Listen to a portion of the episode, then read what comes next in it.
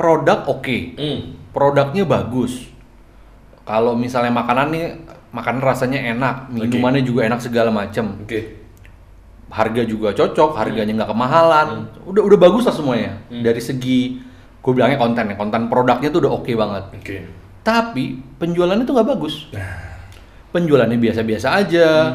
Eh, ada istilah eh, slow moving lah, Oke. produknya, stoknya segala macam. Oke. Kok bisa ya? Nah. Artinya kan sebenarnya kalau dari sisi pembeli ya, kayak gue nih, kayak gue, gue tipikalnya kalau misalnya lihat produk, wah produknya eh, murah nih, Hmm. bagus dari segi material segala macam. Atau Kalau makanan rasanya enak, Hmm. otomatis eh, jadi beli, beli lagi dan beli lagi gitu. Oke.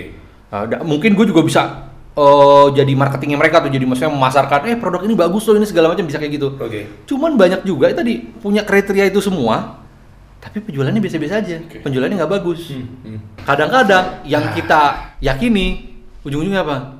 Sepertinya ini memang takdir rezeki saya. Oh gitu. Cukup sekian aja takdirnya. Sekian sekian persen nggak? Oh, jangan. bukan branding biasa. Kan gue udah bilang sama lo, ya kan?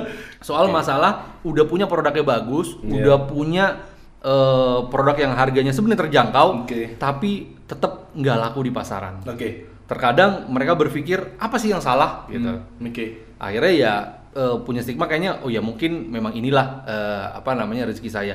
Cuman kan terbatas dari oke kita memang tahu eh, rezeki eh, manusia udah ditentukan sama Allah. hmm. Cuma kan ada hal-hal yang kita mau coba apa namanya pelajarin Hmm. gimana sih sebenarnya supaya jualan produknya udah oke, Oke. hasilnya juga oke. Banyak banget keresahannya kayak gitu ya. Iya. Oke, cuman di bismillah ya. Betul, setuju gua sama kata lo bahwa yang namanya rezeki itu pasti Allah tabaraka wa taala yang nentukan. Setuju. Tapi kan kita kan ikhtiar, tawakal dan lain sebagainya kan. Betul. Nah, Ini bagian yang yang tadi gue sampaikan inilah bagian gimana ikhtiar kita. Betul, Bagian betul, kita. betul, betul, betul, betul. Oke, kalau yang tadi dulu sebutin, itu kan kita pasti yang namanya berkutat pada nama marketing 1.0.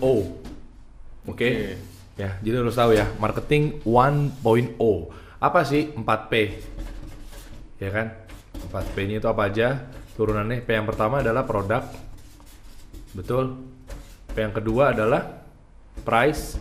Ya kan tadi gue denger kan produk udah oke, price-nya juga oke banget terjangkau ya kan. Itu marketing 1.0 tuh, Bro. Hmm. Nah, P yang ketiga adalah place, tempatnya juga udah strategis banget. Iya, Iya betul. kan? Bisa dibilang kan? Kalau misalnya di online, online-nya udah Oh iya. Oke banget tampilannya, Oh, fitnya betul. dijaga, Uh, semua segala macam. Betul, ya kan? Ini kan bisa online, bisa offline ya. Betul. Nah, ya, P yang keempat adalah promotion ya kan. Promosinya juga udah oke banget, gencar-gencaran, pasang iklan, ads segala macam ya, Ya, Facebook betul. ads. Ya kan kayaknya wah tepat pada sasaran lah. Bayar desain grafis, bayar video editor. Ya. Ya kan pokoknya waduh promonya gue jambanin deh wah. Tapi dia lupa. Hmm. Apa yang dia lupa spend 10 juta buat bayar mereka-mereka ini ya, pelaku-pelaku ini, tapi ujung-ujungnya kepleset. Ada yang namanya Hmm. tekniknya, nih gue di sini ya. Teknik dasarnya adalah dia lupa jualannya tapi tidak memakai teknik apa? Teknik asosiasi disosiasi. Jadi gini teman-teman, penyebab dari marketing 1.0 itu sudah digalangkan, sudah dilakukan gitu, tapi juga masih aja kepleset dalam tanda kutip.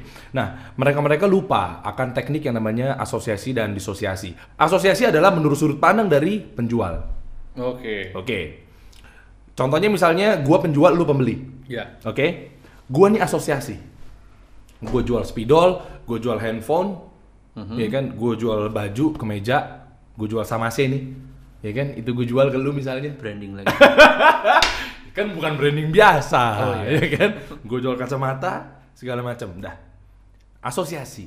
Asosiasi adalah gue tinggal posting, oke, nih beli nih handphone nih di Mumtaz Store, udah selesai misalnya.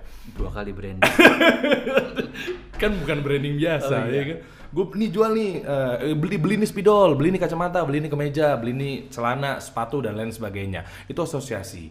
Nah banyak penjual-penjual atau pebisnis atau bisnis owner itu kepleset di situ. Jadi sudut pandangnya hanya menggunakan teknik asosiasi. Padahal harusnya kalau marketing 1.0 yang udah struktur dengan baik ini itu harus menggunakan teknik disosiasi. Jadi asosiasi boleh dan, dan jangan lupa bahkan 70% nya adalah disosiasi Nah, artinya berarti asosiasi itu adalah sudut pandang gua nih untuk ngejual. Oke. Iya kan? Cuma gitu doang. Nah, Disosiasi itu ada sudut pandang elu, yang di mana role play kita sekarang ini adalah lu adalah pembeli. Oke. Nah, jadi banyak yang kepleset tuh jual-jual aja, tapi nggak tahu pembeli itu yang mau yang seperti apa. Tadi kan pembeli pasti ngomongnya produknya bagus, produknya murah. Nah, lu runut satu persatu bro. Produk. Apalagi sih? Oh harga. Jadi produk mutlak emang harus bagus. iya produk. Nah tapi ah, jangan salah juga. Banyak orang begitu masuk ke price, yang namanya produk itu nggak ada produk yang mahal bro. Gue berani berkontroversi di sini. Gue berani dengan lantang bilang bahwa nggak ada produk yang mahal. Karena setiap produk pasti ada jodohnya.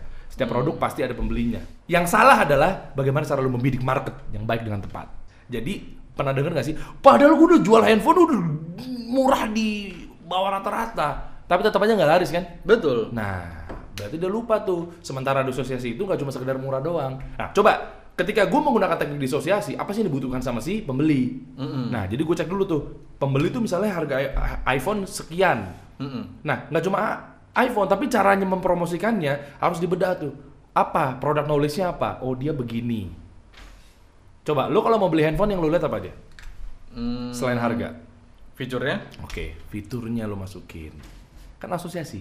Oke. Fiturnya begini, fiturnya begini segala macamnya. Di dalam promosi kita. Nah, kenapa? Karena begitu lo ngiklan tanpa si pembeli pengenin tuh barang. Contoh misalnya ini iklan lewat. Karena uh, sadar nggak lo ketika lo mengiklan itu 10 detik adalah nyawa iklan lo. Hmm, sadar nggak sadar sih kadang-kadang. Lo scrolling, ketemu iklan, tiba-tiba handphone. Tapi kan sudut pandang disosiasi yang beli itu adalah pasti mikirnya, ini fiturnya gimana nih? Mm-mm. Nah, nggak cuma harga doang kan? Iya. Nah, banyak yang boncos kayak gitu. Taruh harga semurah-murahnya. Tapi disosiasinya itu gagal. Kenapa? Karena sebetulnya pembeli itu mungkin ngeliatnya dari sisi lainnya. Contoh, contoh kata kita reseller. Banyak juga teman-teman gue yang kepleset masalah reseller. Tahu nggak sih lo, ketika lo nyari reseller, pernah lo pernah denger kayak gini nggak? Eh, dicari reseller untuk yang pengen punya penghasilan tambahan. Tahu nggak sih lo kayak gitu? Iya. Iya kan? Betul ya? Benar. Tahu nggak sih lo? Iya kan? Tapi biasanya mentok di situ kan? Bener. Nah, tapi juga bisa jadi barang itu eh, nggak ada yang mau resellerin kan? Iya. Nah, itu bentuk dari dia hanya mentok di asosiasi saja. Dicari reseller. Boleh tetap ujungnya eh, awalnya yang bagi yang mau dapat eh, penghasilan tambahan, tambahin bawahnya. Marketing kit kita siapin. Duh. Foto-foto produk udah kita buatin. Cakep dong kayak begitu. Ekspedisi kita yang kirimin, lu nggak usah perlu capek-capek ke tempat paket atau ekspedisi. Dapat commission fee. Hmm. Nah, Gitu. banyak orang lupa kayak gitu. Tapi ini menarik nih ngomongin eh, reseller ya, eh, Iya. teman-teman semua juga ya. Mhm. Mungkin banyak yang berperilaku sebagai eh, apa namanya eh, pelaku usaha ya Hmm. jualan, terus pengen cari reseller. Dulu sebenarnya ada istilahnya agent lah atau segala macam. Oh, iya. Sekarang transformasi pakai istilah reseller. Iya. Kadang mereka lupa loh, Apa tuh? dia nggak atur perjanjiannya. Nah, Dia kadang-kadang lupa tuh ngatur perjanjiannya. Iya, bener. Karena kalau tadi yang lu sebutin semua itu, itu semua tuh sebenarnya akad ya atau kesepakatan yang harus ditulis nah kan? perjanjiannya. Tadi lu bilang ngatur produknya, dapat benefit komisi, nanti eh, gimana hubungannya berapa lama, Hmm. apa hak dan kewajiban itu mesti diatur.